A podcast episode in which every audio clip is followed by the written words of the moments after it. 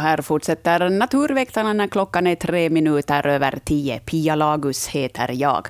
Med mig har jag biolog Hans Hästbacka som besvarar era frågor. De frågor ni ringer in och ställer på 0611 12 13 eller e-postar på natur.yle.fi. Och så har vi Nina Bergman som uppdaterar bildbloggen vartefter det kommer in bilder till e-posten nu försvann vi nästan ett tag här. Jag tänkte, nej, nu plingade det faktiskt på här Hans, så vi ska plocka in ja. samtalet först. Hallå och välkommen till Naturväktarna. Det är Marita Wester från Oxganga. God morgon. God morgon. Jag har en sån fråga att är ormslån eller kopparrödlan, vad man nu kallar ja. den till, alldeles vanlig här? Den finns, ja. Men, mm. men den är så pass liten och, och um, gömmer sig ofta i uh, markvegetationen, så man får inte se den ofta. Jo, men saken var den att min katt hade tagit en ekorre. Ja. Och så var jag ju och grävde ner den. Mm. Och så tänkte jag att vi har ju det här mårdhundar här. Ja. Har vi ju både sett och blivit överkörda. Och, mm så tänkte jag, men jag måste nog sätta någonting på det så inte det går och gräver upp kurren. Ja. Och, och så tog jag ett bildäck och la, skulle lägga det över och så hade jag några nå stockbitar jag tänkte lägga på det då. Men då jag lyfte upp däcket så var det två nystan ja. där. Ja. Som var ungefär knutnävsstora. Mm. Och så såg jag ögon på dem. Ja. Fort på med, med däcket tillbaka och, och jag förstod ju, då var, jag var ju då tittade på paddorna, jag förstod ju att det var, den då. Men eh, det var så många. Hur gör det till vintern? Ja, de går i vinterdvala. Ja, det gör det. Och kan mm. vara många tillsammans och, och eh, Precis, därför var det, var det samman med, ja. som nystan. Ja, precis. Och likadant så, så gör ju hugg, huggormar och snokar och, och skogsödlor också, att det kan finnas många, många på samma ställe. Ja, no, just där har det blivit grävt, för det var ju ett byggt ett hus där så det var ju lite sandigt och lejligt. Ja, ja. Så det var väl kanske lätt de, de kom sig ner där då. Ja. Men eh, jag blev ju lite paff för inte jag har sett något sånt där ja, förut det... här. Mm. Vanliga ödlor kan man ju se men... Ja. Mm. Men den finns. Den finns. Ja. Och verkar det vara ganska mycket av dem då. Ja. För det var många ögon. Ja, men det kan ju ha kommit från ett eh, relativt stort område för att uh, de brukar söka sig från ett relativt stort område till en och samma plats för att övervintra. Ja. Mm. Vi har ju annars sjön runt omkring men, mm. men, men. Du hade ja. byggt ett fint bo åt dem. Ja, men jag, jag ser det där nystan nu och då med de där små, små ögonen. Ja. Mm. ja, det var, var faktiskt ett riktigt intressant fynd. Ja. Och, och det här och så har vi ju de här stora paddorna här nu. Ser du bara? Mm. Ja, med lite det här knuta på ryggen och ja, ja. Mm. Annars så, så den här Hagaviken vi kallar så är ju grodorna på våren. Jag brukar säga nu sjunger grodorna. Är ju mm. där runt första maj. Ja. Men är ju besvärligt då de där små ungarna kommer och man ska klippa gräs Ja, visst är det det. Ja, ja en, en gång så plockade jag 172 stycken i ett ämbar innan jag började klippa. Oj, oj, oj. Och så var jag med dem till fladdan och la, hällde ut dem med fladdan. Ja. Men, ja, inte... Det var, det ju nog så många som gör det väl så mycket fast han klipper i härnad. Nej, men det är ju otrevligt att uh, klippa sönder dem med gräsklippare. Ja, och så är det lite otrevligt och du går till porslodont och du ska gå i kroka för de där små ja. som hoppar mm. allastans. Ja, ja. ja. Nå men, Eva, jag ville veta om de helt vanlig det här ja. kopparormen. Mm. Vad, vad ska vi kalla den till då riktigt? Ja. Är, är det Koppar, kopparorm? kopparorm eller ormslå? Ja. Ja. Jo, jo, jag förstod det efter, efter paddan. Ja. Nå men okej, Ja. det var det jag ville veta. Mm. Ha det så bra. Tack detsamma. Tackar, Mm. Tack, hej hej då. Ja, hon är inte ensam om att dela det där dil- dilemma när man klipper gräset, för det är ju, det är ju faktiskt riktigt otäckt att klippa sönder de där stackarna. Ja, visst är det det. Ja. Ja, jag skulle låta gräsmattan växa jag en månad och, och, och klippa sen senare, fast det är jobbigt. Men på det sättet skulle man ju spara en massa små grodor och paddor. Mm. Men, men det är ju intressant att hon hade en sån här god lekplats för groddjur alldeles nära gården. Minsann. Ja, de har ju det ganska kämpigt, grodorna och paddorna, så att det, alla sådana här lekplatser som finns är ju mycket värdefulla för de här arterna och för det lokala beståndet. Mm. Vi ska Hans ta oss an en e-postfråga. Ja. Det här är en riktigt intressant sak.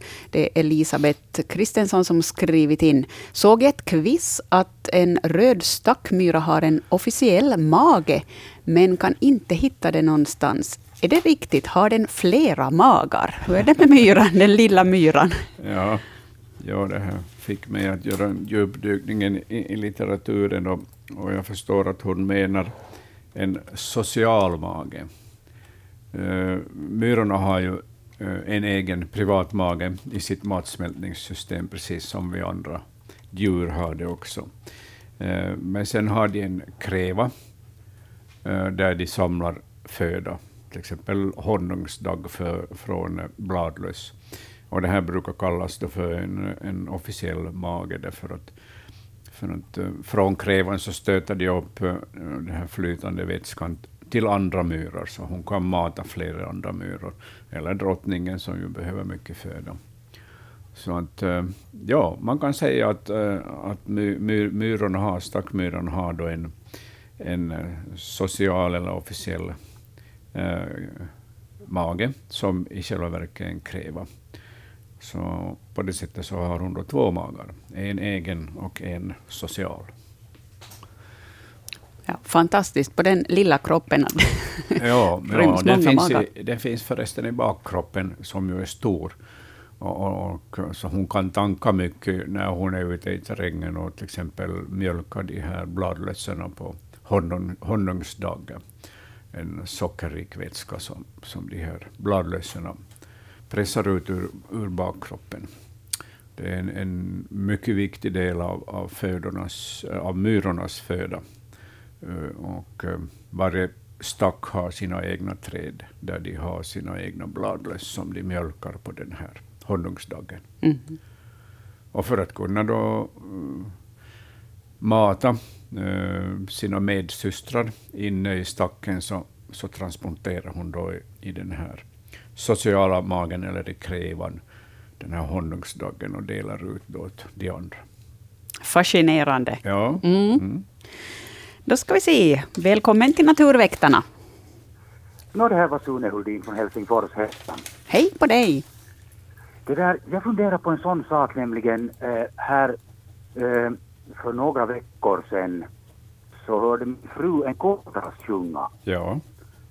och, och det där, jag, jag blev lite fundersam över hur, hur hon mådde för, för att jag tycker att jag inte hört den, hört den liksom, den här sommarsången eller vad man ska kalla den, Ja. har jag inte hört på hösten någonsin. Men nu i morse faktiskt så råkade jag höra en. Ja.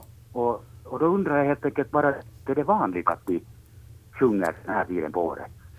Ja, det finns, eh, alltså fåglarna har eh, under hösten så har de en det här eh, hormontopp, eh, där det produceras könshormoner i, i deras kroppar. Så att, eh, orrarna brukar spela ute på, på sina spelplatser i oktober.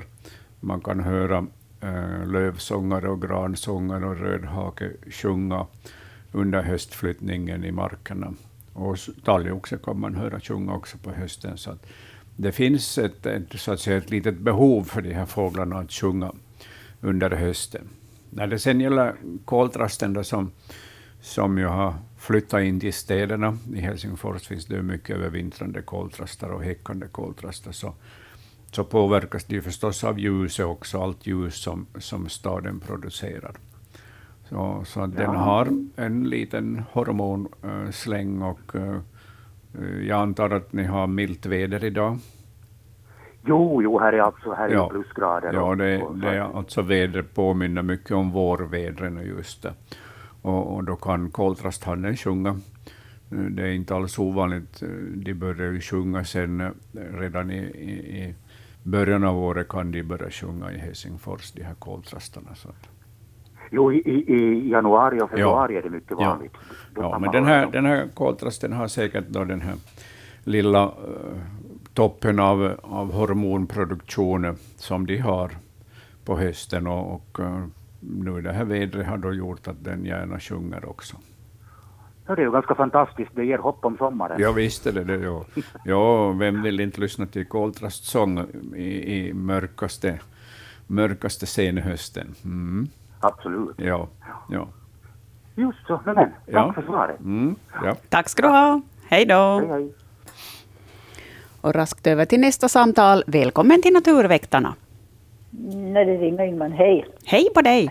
Jag skulle ha ett tips för den här, åt den här damen som hade möss inne. Jag har själv, bor ja. själv i en gammal ladugård och, och här sprang mössen glatt omkring. Ja. Det, där, det ena är att, att där var de kommer in så sätter du aluminiumfolie för att ja. mössen äter inte aluminiumfolie. Ja.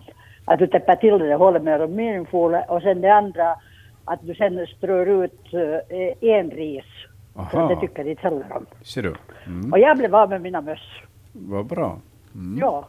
ja. det är enkelt, det, det, det, är inga gifter, det är ingenting utav det där. Och med, och med det funkat. Att där var, det, där var mössen komma in, så där satte jag aluminiumfolie och så strödde jag enris runt om och, ja. och det där. Och, och, det var bra med det.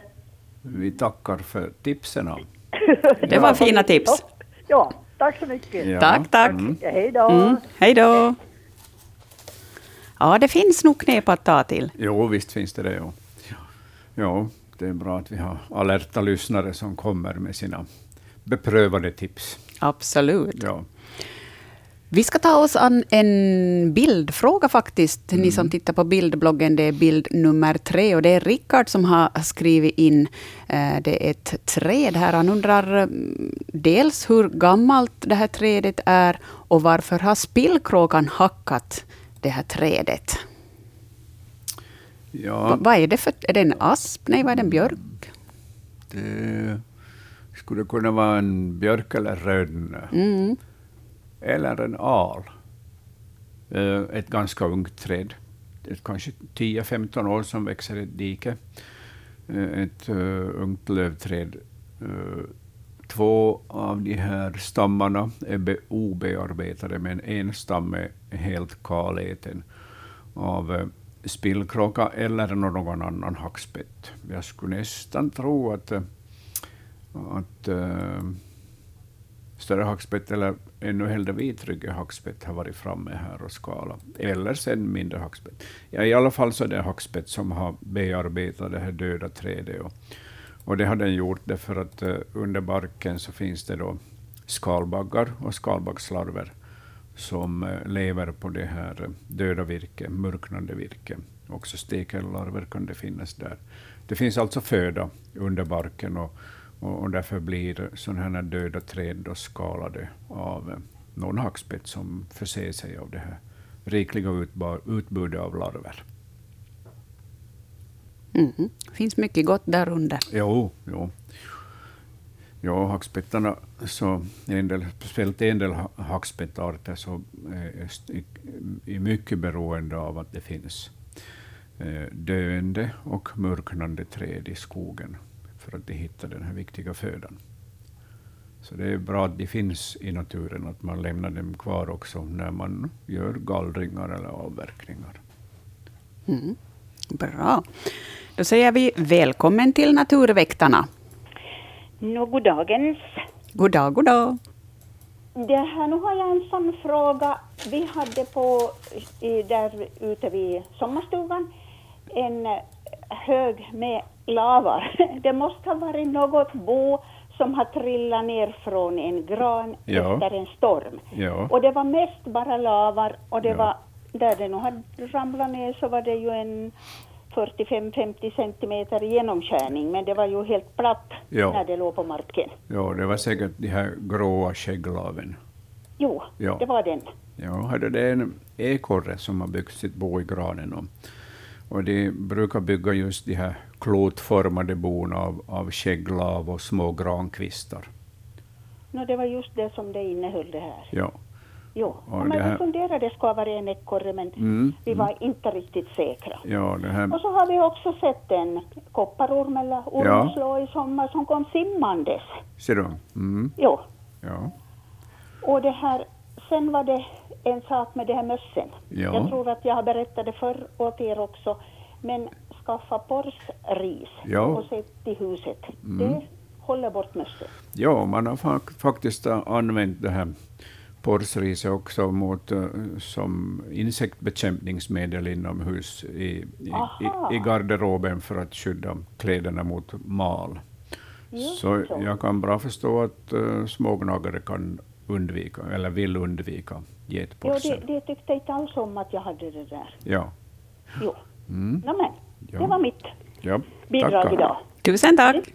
Tack. Mm. Hej. Hej. Jag tänker vilken besvärlig sits ekorrarna var i på 1980-talet och tio år åt båda hållen. Och när vi hade den här luftburna försurningen som värst. Och då skägglaven försvann från stora områden. Och, så de hade nog knepigt att, att bygga sina bon av, av tillfälliga material. Men nu har ju lyckligtvis skägglaven återkommit till många ställen och som ett direkt svar på att, att vi har en renare luft idag. Så nu kan de bygga de här klotformade bona igen. Skägglaven är ju den här värmeisoleringen och de här små grankvistarna som binder ihop hela det här boet. Mm. Men det tar ganska lång tid också för lav att, att växa sig Visst, stor. ja. men, men jag tycker att skägglaven, så, med tanke på att det är relativt nyligen som, som vi har haft den här skägglavs, stora skägglavsförlusten, så, så nu har de vuxit ganska bra och ganska fort, men, men de har ju en, en viss kapacitet. Nu kan jag inte säga hur många millimeter eller centimeter de klarar av att växa per år, men att relativt långsamt i alla fall. Men det finns ju på, på många ställen så finns det mycket skägglav idag, så att en ekorre som bygger ett bo så tar ju bara en liten procent av det här beståndet. Mm. Då ska vi se vem vi har här. Välkommen till Naturväktarna. Det är Anita, hej. Hej på dig! Jag uppfattar inte vad det var för ris den här damen talade om. Getpors. Getbors, Ja. okej. Mm. Bra. Ja. Tack så mycket. Tackar. Tack, hej. Tack, tack ska du ha. Hej. Den väldoftande getporsen. Ja, oj oj. Tänk när man på försommaren vandrar på myrar och, och, och de har sin allra starkaste doft. De har det är riktigt berusande att, att vandra omkring i de här myrkanterna där det finns getpors. Man, ju, man kan ju använda getborstens blad som myggmedel. Man tar några i handen och krossar dem och, och stryker då på händer och i ansiktet, så brukar myggorna hålla sig på avstånd. Så det är ett gammalt beprövat ämne. Bra. Uh, här är en fråga som faktiskt har Ja. kommit in via e-posten idag. Och det har ju varit mycket prat om talgoxarna och Ja. vi har stiftat bekantskap med lite annorlunda talgoxar också. Mm. Uh, hur får man talgoxarna att sluta hacka sönder markiserna? Sömmarna tycks locka mest, för mat har de.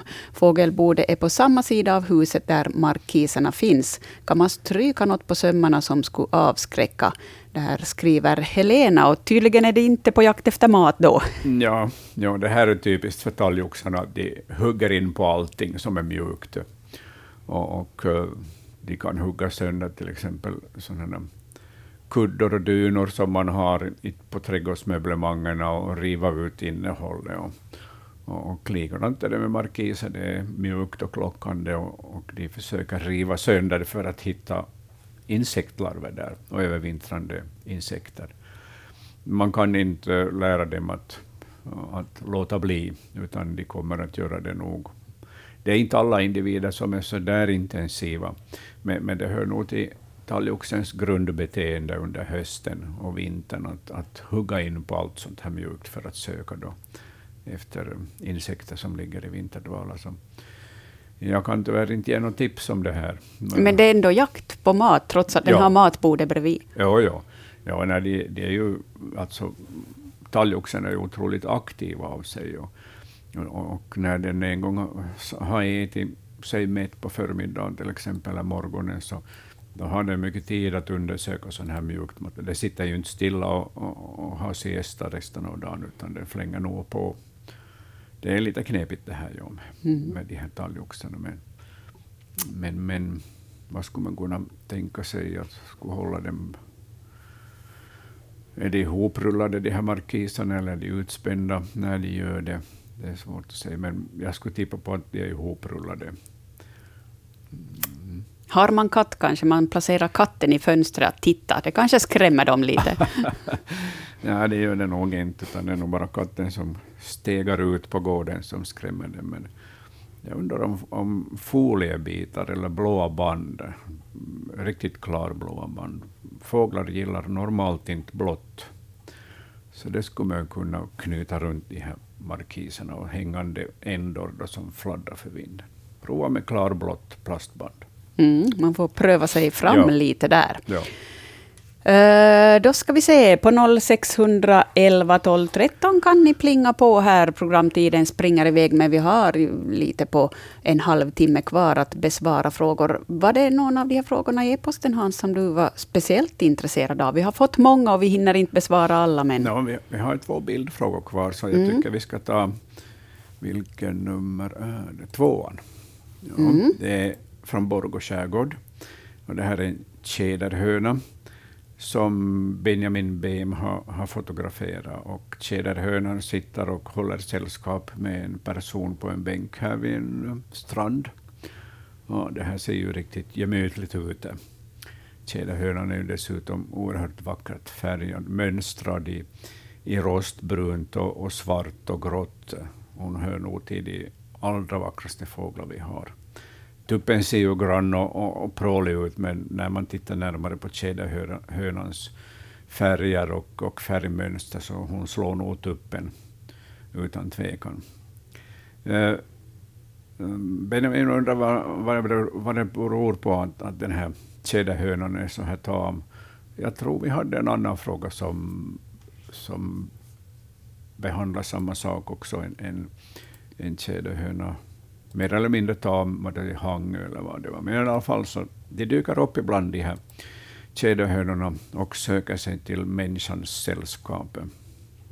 Men, men eh, här på bilden ser man ju, de sitter nästan och kramas, Ja, den här personen och tjäderhönan. Är, är det liksom vanligt, eller kan man träna den att bli mera sällskaplig eller tam? Nej, utan det här beror nog helt på, på tjäderhönan själv. Och, och, eh, nästan alla, varje vår så har vi en eller två tjäderhönor här i Österbotten som dyker upp på en skolgård, där de gärna håller till, speciellt under rasterna då barnen är ute på rast. Och, och barnen får sällskapa med de här tjäderhönorna så här, så här nära och trevligt. Och det här beror på att de har en, har en stark hormonproduktion och det gör att de är otroligt sällskapliga av sig och helt orädda. Eh, lyckligtvis så, så har tjäderhönornas eh, hormonproduktion en, en, en eh, positiv inverkan på dem, eller de, åtminstone har inte en negativ, det vill säga de blir inte aggressiva som tjädertupparna blir. Så, men de blir oerhört sällskapssjuka av sig och, och därför kommer de till människan på det här sättet. Och det är ju ganska fantastiskt att, att sitta eh, på samma bänk som en tjäderhöna. Mm, ja, det är inte varje dag och faktiskt att man får förevigat det ögonblicket. Ja, ja. Mm. ja tjädertupparna som, som har den här eh, förhöjda hormonhalten, de kan ju ha två, tre gånger högre än normalt. Och det är ju normalt under våren, under speltiden. Så, så de blir ju ytterst aggressiva och därför så slåss de med människor och bilar och traktorer och skidåkare och hundar och allt möjligt. Så att de kan ju vara tuffa att, att, att tas med. Men tjäderhönor är så här mycket sällskapssjuka och vänliga. Mm. Jaha, då har vi någon eh, mer på tråden. Välkommen till Naturväktarna. Ja, det var från Kristinestad här. Hej på er. Hej på dig. Jag har en lite konstig fråga som jag, som jag har undrat över ett tag. Det var så att i höst så beställde jag hem ett lass finsand, ganska mycket kan man säga, 12 kubik eller någonting Ja, så. ja. Och eh, jag märkte ganska snabbt efter ett par dagar att vitsvans, vi har massor med vitsvanshjortar här. Ja. Och jag märkte att de hade varit och klättrat i den där sandhögen. De var ända upp på toppen och det var fullt med trö. De, de hade riktigt, haft riktigt fest där i sandhopen. Och, Ja. och, och nu för ett tag sedan så har de, de har liksom börjat gräva ut som ett, nästan som ett som ett i, i det, eller vad ska man säga, Ja. grävt sig rakt in i sandhopen. Och jag, jag- jag, förstår inte, vad, vad söker de där i sand? Nå, det enda som jag kan komma på är att det skulle finnas någon mineral, någon salt som de vill komma åt i den här No, sanden. det, det, det jag tänkte, jag har ju haft fåren och de var ju snål, snål på, på, på saltstenar och Ja, allt möjligt, ja. sådana mineraler och, Mm. och men jag, jag, jag, jag, jag har aldrig märkt att, att vitsvanshjortar har varit intresserade av sand för Nej, det, nej. det nytt för mig. Men, men jag, jag, det är nog enda jag har tänkt på så att Ja. det måste finnas någonting där som, som, som de tycker om i alla fall. Så är det ju. Mm. de, de, de har det där som en samlingsplats helt enkelt, så jag undrar, de äter snart upp hela sandhopen för mig. Inte var det ju meningen att de ska ha det, men, men alltså, så där konstigt är det i naturen. Ja, men Att, du kan ju sätta upp eh, två saltstenar lite vid sidan om, så kanske de håller sig till saltstenarna. ja, jag, jag tänkte jag ska pröva det, att, att lägga saltstenar där, för det, det, det vet jag att de, de, de behöver i alla fall. Ja, mm. Så, så, så kanske det, det är godare än, än, än fin sand i alla det fall. tror jag nog. Ja. Ja, mm, fint. Tack Ja. ska ni ha. Tack ska Okej. du ha. Tack, Mm. hej då. Hej. Jaha, och här har kommit in en riktigt färsk bild till bildbloggen. Det är den sjunde bilden och eh, det handlar om kanadagäss.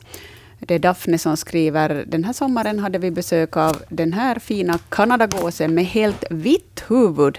Det är säkert bara en färgvariant och ingenting speciellt, eller är det här en hybrid? Och Eh, här ser vi då, ja, det är en hel flock med kanadagäss och en av dem tittar fram där med ett riktigt vitt huvud. Och som sagt, är det här någonting vanligt eller är det en, en ovanlig företeelse som vi har fått bevittna här?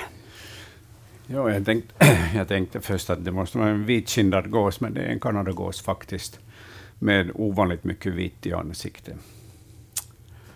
Mm. Det här kan dels bero på ett färgfel, men det kan också bero på att, att det finns någon annan gåsart inblandad här. Eh, Men alla andra ser ju nästan identiskt likadana ut. Ja, som kanadagäss ska se Mm. ut. Ja. Uh, varifrån, alltså gäss kan ju para sig över artgränserna och, och få då hybrider. Men den här är så pass stor. Den är samma, samma storlek som de andra. Så att, och kanadagåsen är ju vår största gåsart. Men det kan ju ha kommit från eh, två, tre generationer tillbaka in någon annan eh, vitkindad gås, bläsgås, eh, kommer jag nu närmast att tänka på, som har då en hel del vitt. Eh, och som vars gen har kunnat då dyka upp på det här sättet.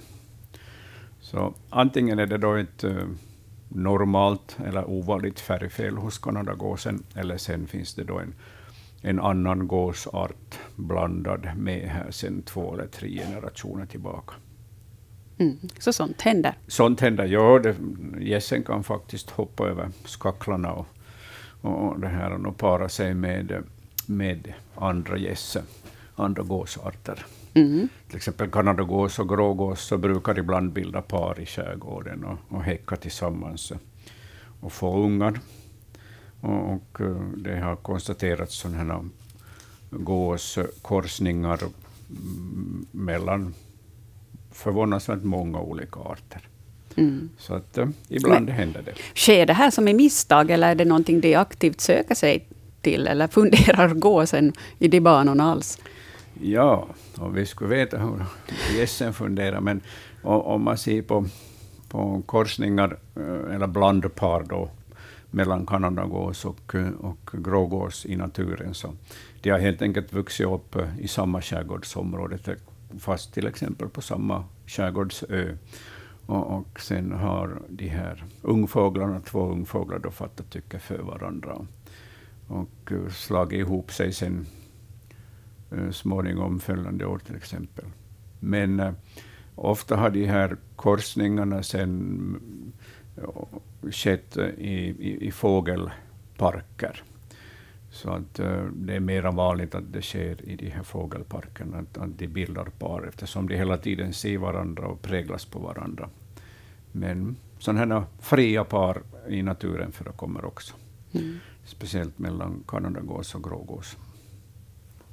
Hör ni på 0611 12 13 hinner ni riktigt bra plinga på ännu i Naturväktarna den här månaden. Här en fråga som har kommit in till natur.yle.fi. Det här är en fråga jag ställer mina hundar nästan varje dag. Varför väljer vissa hunddjur att rulla sig i avföring? Och varför äter vissa hundar ren, ren avföring lika ivrigt som ungar äter lakrits? ja. det här att hundar gärna rullar sig i avföring, så det är ju en oerhört lockande parfym för, för vissa hundar individer, inte alla, men, men en del så älskar att rulla sig i andra djurs avföring och få den här avföringslukten eller parfymen i deras nosparfym. Labradorer i synnerhet. Ja, ja, ja. ja, ja man ska dofta gott och starkt. Sen att de äter äh, avföring från hjortdjur till exempel, så, så det är allmänt bland, bland hundar, ganska allmänt bland hundar. Det smakar gott. Eh, dessutom får de i sig också eh, så att säga, positiva bakterier från de här, eh, från de här avföringspärlorna. Så att det kan vara både och. Att dels så smakar det gott och dels så, så får de då samtidigt också goda bakterier i, i sitt eget tarmsystem. Så egentligen man ska då inte hindra hundarna att äta annans kacka? Uh, nej, tycker jag det inte. Det är ganska vanligt. Jag minns i, i min barndom då vi, uh, när jag levde här i Vasa och, och var, man använde hästar ändå då i stan. Så på vintern så kom det de här hästavföringen på gatorna och våra stövare och grannens stövare var ju stormförtjusta i den här eh, hästdyngan och de var alltid åt den, av den här hästdyngan på, på dagen. Och de mådde alldeles bra av det. Mm. Men, men, sen finns det en del hundar, då i synnerhet tamhundar, som äter sin egen avföring. Ja, det, det är sen märkligt vad, vad det beroende kan, be, beteende kan bero på. Det, det, det vet jag inte. Men det är ju helt onormalt att ett djur äter sin egen avföring om man inte är koprofag, som uh, haren och uh, bävern, uh, som har en, en stor blindtarm där, där den här cellulosabaserade födan bearbetas av bakterier. Sen kommer den ut som en lös massa och, och djur äter upp det på nytt. Och, och då får den alla de här proteinerna och uh, vitaminerna som har producerats i blindtarmen till godo de, de kan ju inte idissla som, som normala idisslare kan göra, men deras blindtarm producerar sen en sån här näringsrik massa av relativt, näring, relativt näringsfattigt uh, växtmaterial. Så mm. det är mm. normalt för dem, men inte annars. Okej, okay. bra. Då vet jag vad jag ska säga mina hundar sen, ja. att de är inte normala. jo, nej. Mm. Här, vi ska titta i bildbloggen. Vi har ännu en bild obesvarad där. Bild nummer fyra nämligen. Ja. Det var Ulfi Molpe som har haft besök av den här fågeln eh, som då liknar en spillkråka, men den var grön i färgen och den sitter då och hackar på ett, ett, en garagebyggnad här. Uh, vad, va är det? Är det en spillkråka? Eller? Mm, ja, det är ingen spillkråka, men det är en hackspett. Och den är grön och grå gröngrå kan man säga. Och, och, det här är då en gråspett. Det är ju en, en art som eh, tidigare har varit knuten till eh, södra Finland, men som har spridit sig under de senaste, ja nu under eh, 2000-talet. Så har den spridit sig norrut i landet och eh, förekommer Eh, på många ställen i Österbotten också. Och nu vintertid så, så stryker de omkring de här gråspettarna och kommer gärna till gårdarna för att uh, söka föda. Och eh, uh, hugger gärna in på fettsvålar eller fettkorvar som man hänger upp i träd och buskage. Så vill man ha den här rara och vackra gästen på sin gård så, så lönar det sig att hänga upp fett av olika slag. En gråspett alltså. Mm. Och vi har talat om det här tidigare, men det finns ju oändligt många olika typer av arter av hackspettar och, och det här. Ja, det är ju, Känns det som. Ja, det är relativt många, men, men det här är den enda eh, som är då grå och grön, den här gråspetten. Det finns ju en gröngöling som förekommer i, Finland, i Sverige, men i södra Sverige, mellersta och södra Sverige, men inte i Finland. Endast eh, enstaka ströexemplar som kan besöka oss. Men annars är det nog gråspett som kommer till gården och som är så här färgad. Mm. Då vet vi det. Hör ni på 0611 12 13 går det riktigt bra att ringa in. Lugnt på linjerna just nu, så vill man hinna fram på de här 20 minuterna som återstår av Naturväktarna den här månaden, så ska man passa på att ringa det numret nu. Eh, men vi ska ta en fråga som kommer från Uleåborg, från Jorma Edvard Sapunki. Uh, vi hade en sommar ett spearfishing-par, alltså Kirjois Pieppo. Nej, vad heter den? Kirjoseppo. Kirjoseppo. Jag läser i kors här. Det blev så många språk på en gång. Och de sjöng hela sommaren. Och uh, då märkte jag en liten uh, att det fanns en liten spindel där också som blandade sig i leken. Och då slutade fågelsången. är det så att när fåglarna får ungar Eh, så, ska de, så slutar de sjunga, eller vad, vad beror det på det här? Ja, och, och um, det norm, eller nästan alltid så är det bara hannen som sjunger. Så det är då svartvita flugsnapparhannen som har sjungit flitigt, och den hör ju till, till de små fåglar som sjunger allra flitigast av våra. Och har man den, eh, våra småfåglar, har man den dessutom häckande på gården, så får man ju lyssna till den här slagermelodin dygnet runt i, i flera tusen gånger per, per dygn. Eh, den sjunger mycket flitigt för att locka honan till sig och sen eh, under byggnadsskedet och när honan ruvar. Eh, hannen försöker dessutom då få en bihustru också i en annan holk. Och, och ganska ofta lyckas det för sådana här eh, A-klassens hannar som sjunger bra och har en bra färgsprakande dräkt. Men sen när ungarna, ungarna kläcks så, så då slutar han sjunga. Och det är nog den normala eh, regeln hos småfåglarna, att de slutar sjunga när ungarna är kläckta.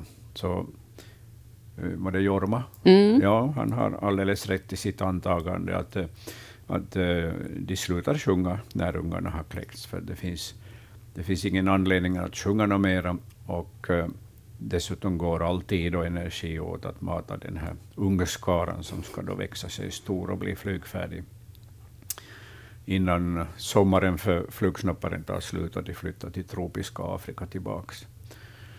Eh, sen finns det ju en del som arter som, som bofinke, eh, talgoxe, där ungarna, när de har flugit ut, så lyssnar de till eh, föräldrafåglarnas, det vill säga hannens sång, för att lära sig, lära sig då en del av sången.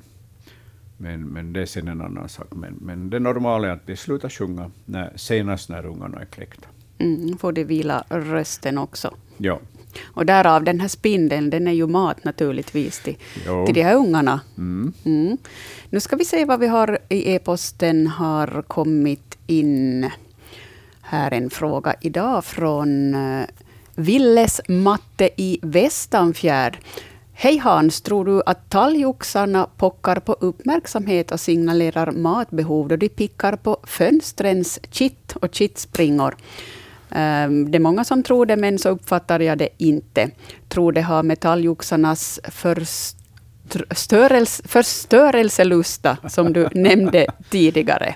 Mm. Ja, och, och kitt innehåller mycket fett och de vill komma åt det här fettet, de här talgoxarna. Och dessutom så undersöker de alla springor och utrymmen för att hitta då insekter där. Så att, eh, det är födosök som de håller på med, de här talgoxarna. Och, och om de hittar ett bra kitt som är fettrikt och, och någorlunda mjukt, så kan de hugga bort allt det här kittet från ett fönster. Ganska förödande. Mm, och de tar sig på allt det där. ja, det är nog det. Det är därför den är så framgångsrik också. Mm. Mm. Och vi har ju pratat väldigt mycket om det här med fågelmatning idag. Ja. Och, eh, men här kommer en, ett e-postmeddelande från Micke som eh, skriver så här. Jag skulle nog inte rekommendera att mata fåglar i tätorter och i radhus och höghusområden. Särskilt inte det här året med hög frekvens av möss, råttor och sork och speciellt med solrosfrön då. Dessutom med bar backe behövs egentligen ingen matning av fåglar. Vill man mata fåglar bör man mata dem lite längre ifrån bostäderna. Annars kan man lätt få möss i väggarna.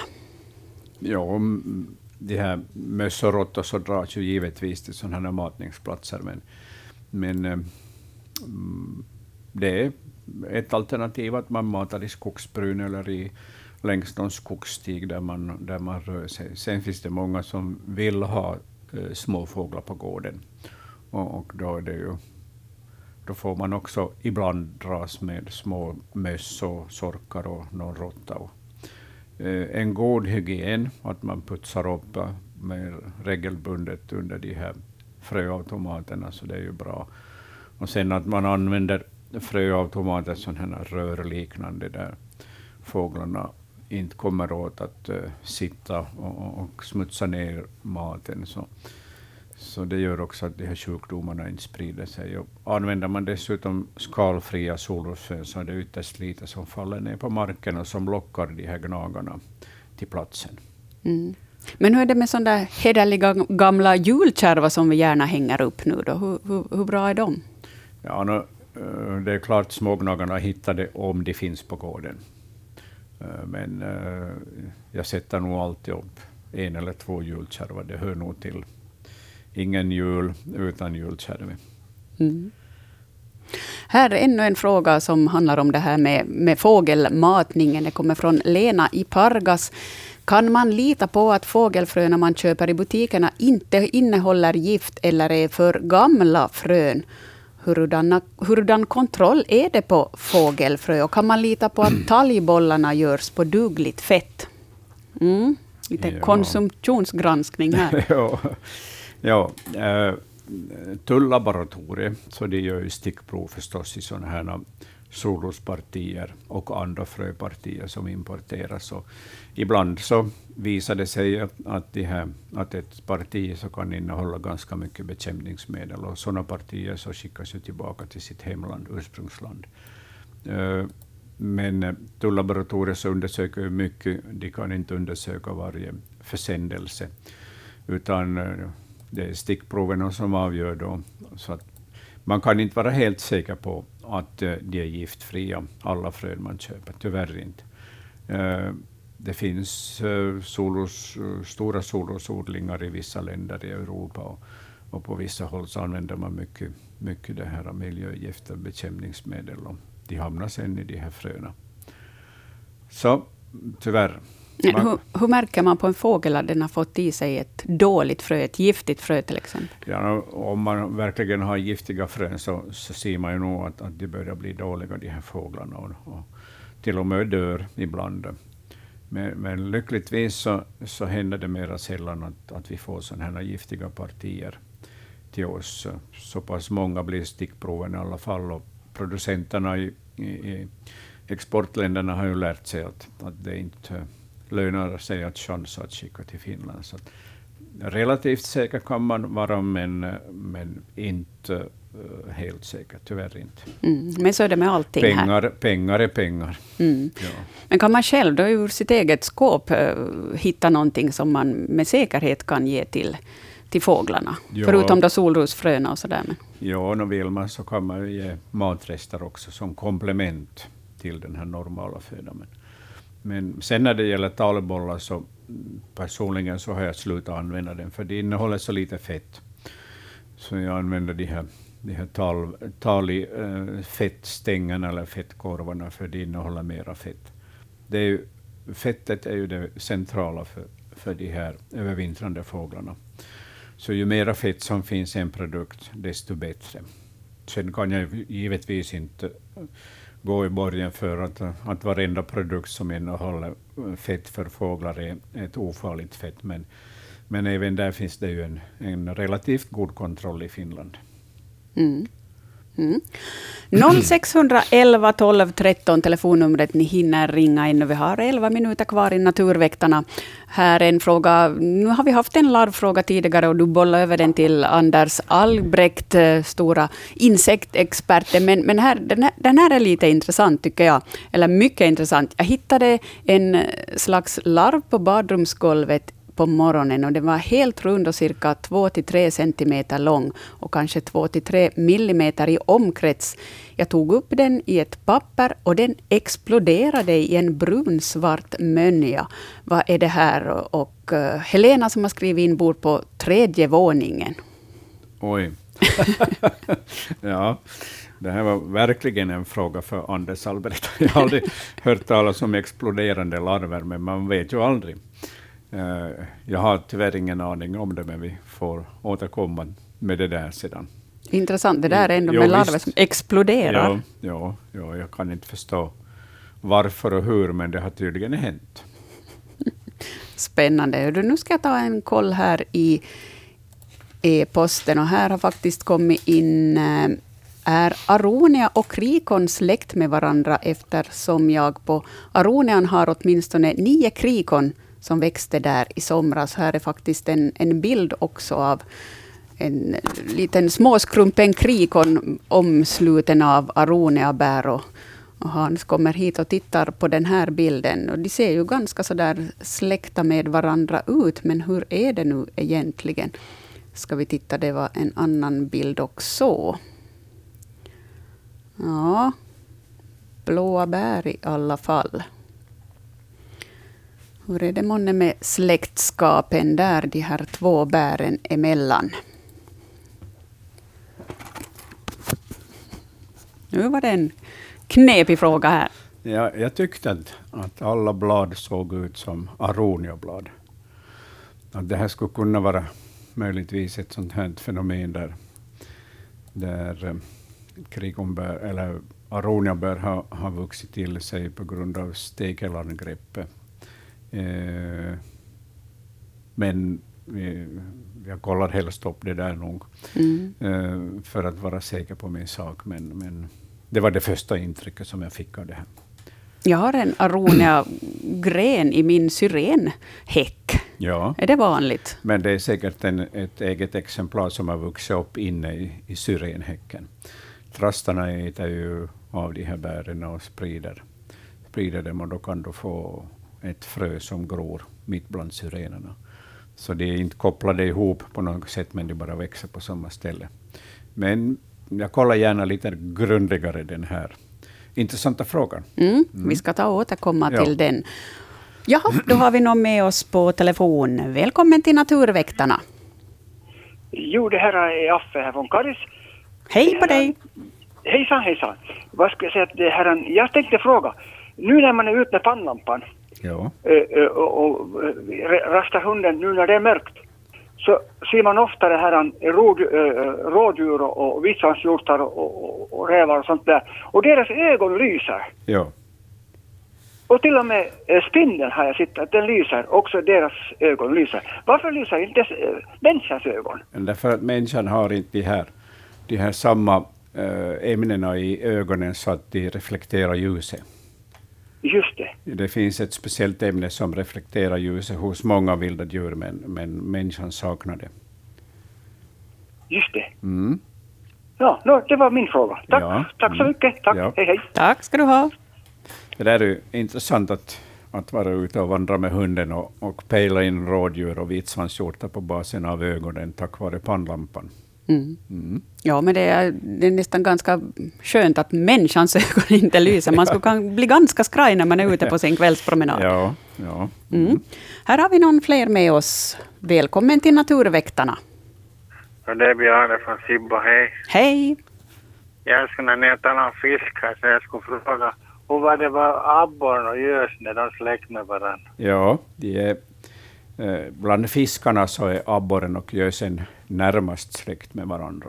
Så de är nära Är släkter. de, Kusiner kan man säga. jag tänkte just så. Ja, jag hade inte något annat, det var bara det. Ja. Kiva. Hej då. Ja. Tack ska du hej. ha. Hej då. Hej då. Hej. Ja, det är många fiskar som är släkt med varandra. Ja, visst det. Det, det är klart att, att många fiskar är släkter med varandra eftersom, eftersom de eh, har utvecklats från några ursprungliga och, och, och bildar då olika arter. Det finns ju bland mörtfiskarna det, finns det ju många arter. Och, och, och de är ju släkt med varandra givetvis, precis som laxfiskar, flera laxfiskar också. Mm. Här plingar det på och jag säger välkommen till Naturväktarna. Det är Anita, hej. Hej! Hur ser en skabbig räv ut? En skabbig räv så kan se bedrövlig ut. Eh, om den har lite skabb så saknas det bara fläckvis eh, päls eh, på, på, från, från, på kroppen. Men, men när den är kraftigt angripen så kan till exempel hela svansen vara kal. Eh, så det är bara en sån där eh, mm, ser ut som en stuvkäpp som sticker ut från kroppen, den här eh, själva, själva benet med hud på. Eh, Jo. sen, Jag, så, jag såg igår en, en, en räv nämligen. Den, den såg alldeles normal ut. ja, Hade en yvig svans. Mm. Men liksom en kal ring runt svansen. ja, Mitt på. ja. Den Är det kan, skabb det? det kan vara skabbig och som den har nyligen angripits av. Och den här skabben kommer då att sprida sig över hela svansen och i värsta fall över hela kroppen. Så att den Aha. blir, blir naken om den lever så länge.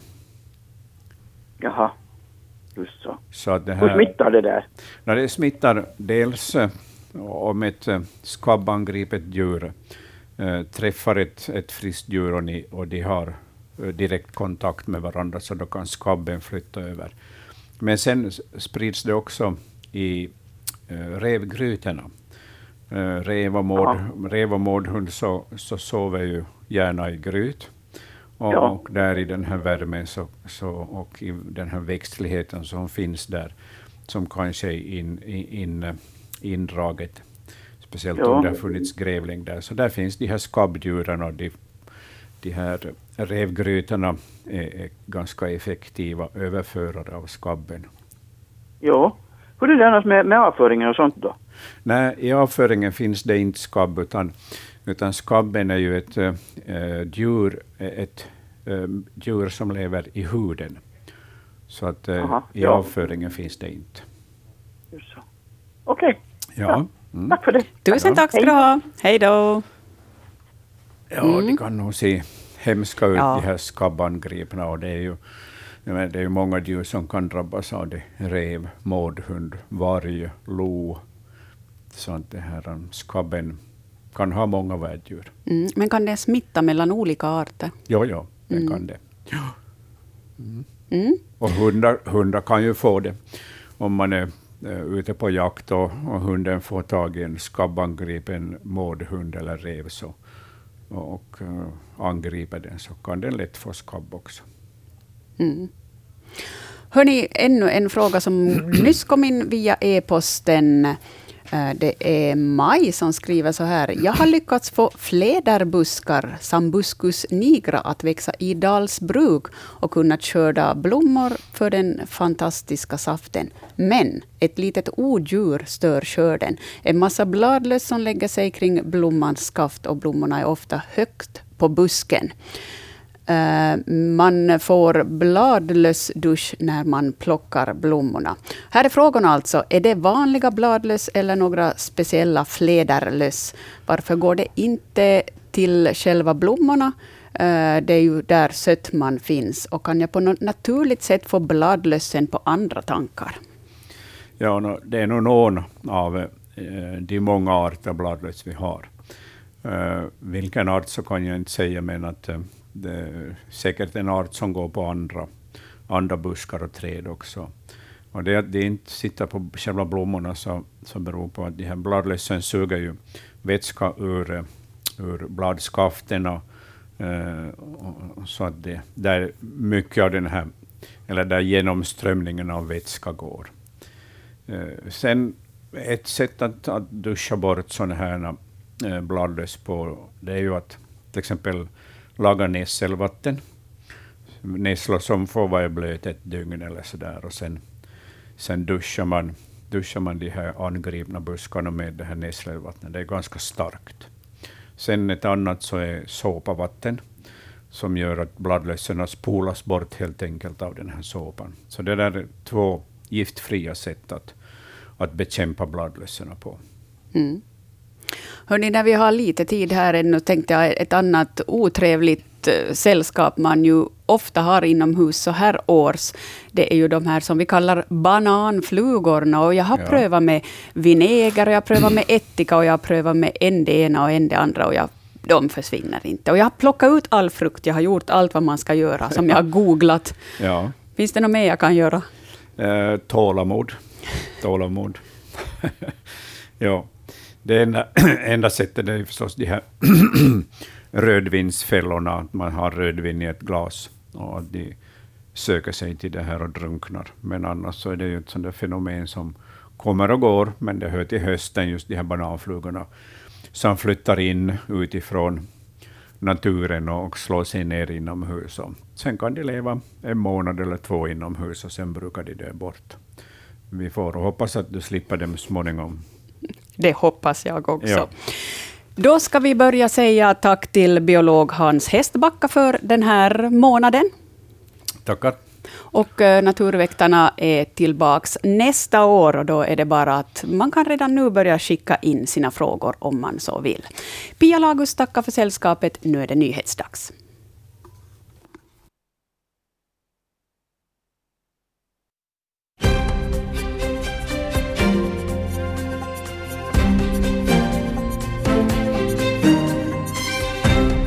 Klockan är 11. God onsdags förmiddag.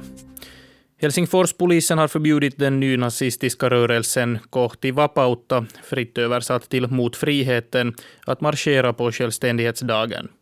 Enligt polisen är folksamlingen inte laglig och kan inte ses som en fredlig demonstration.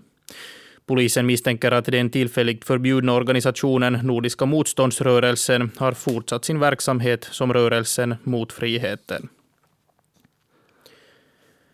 Antalet människor som behöver humanitär hjälp stiger rekordhögt nästa år, det meddelar FN. Enligt FN kommer åtminstone 168 miljoner människor nästa år att behöva humanitär hjälp, vilket är fler än på många årtionden. Orsakerna till det här är klimatförändringen, sjukdomsepidemin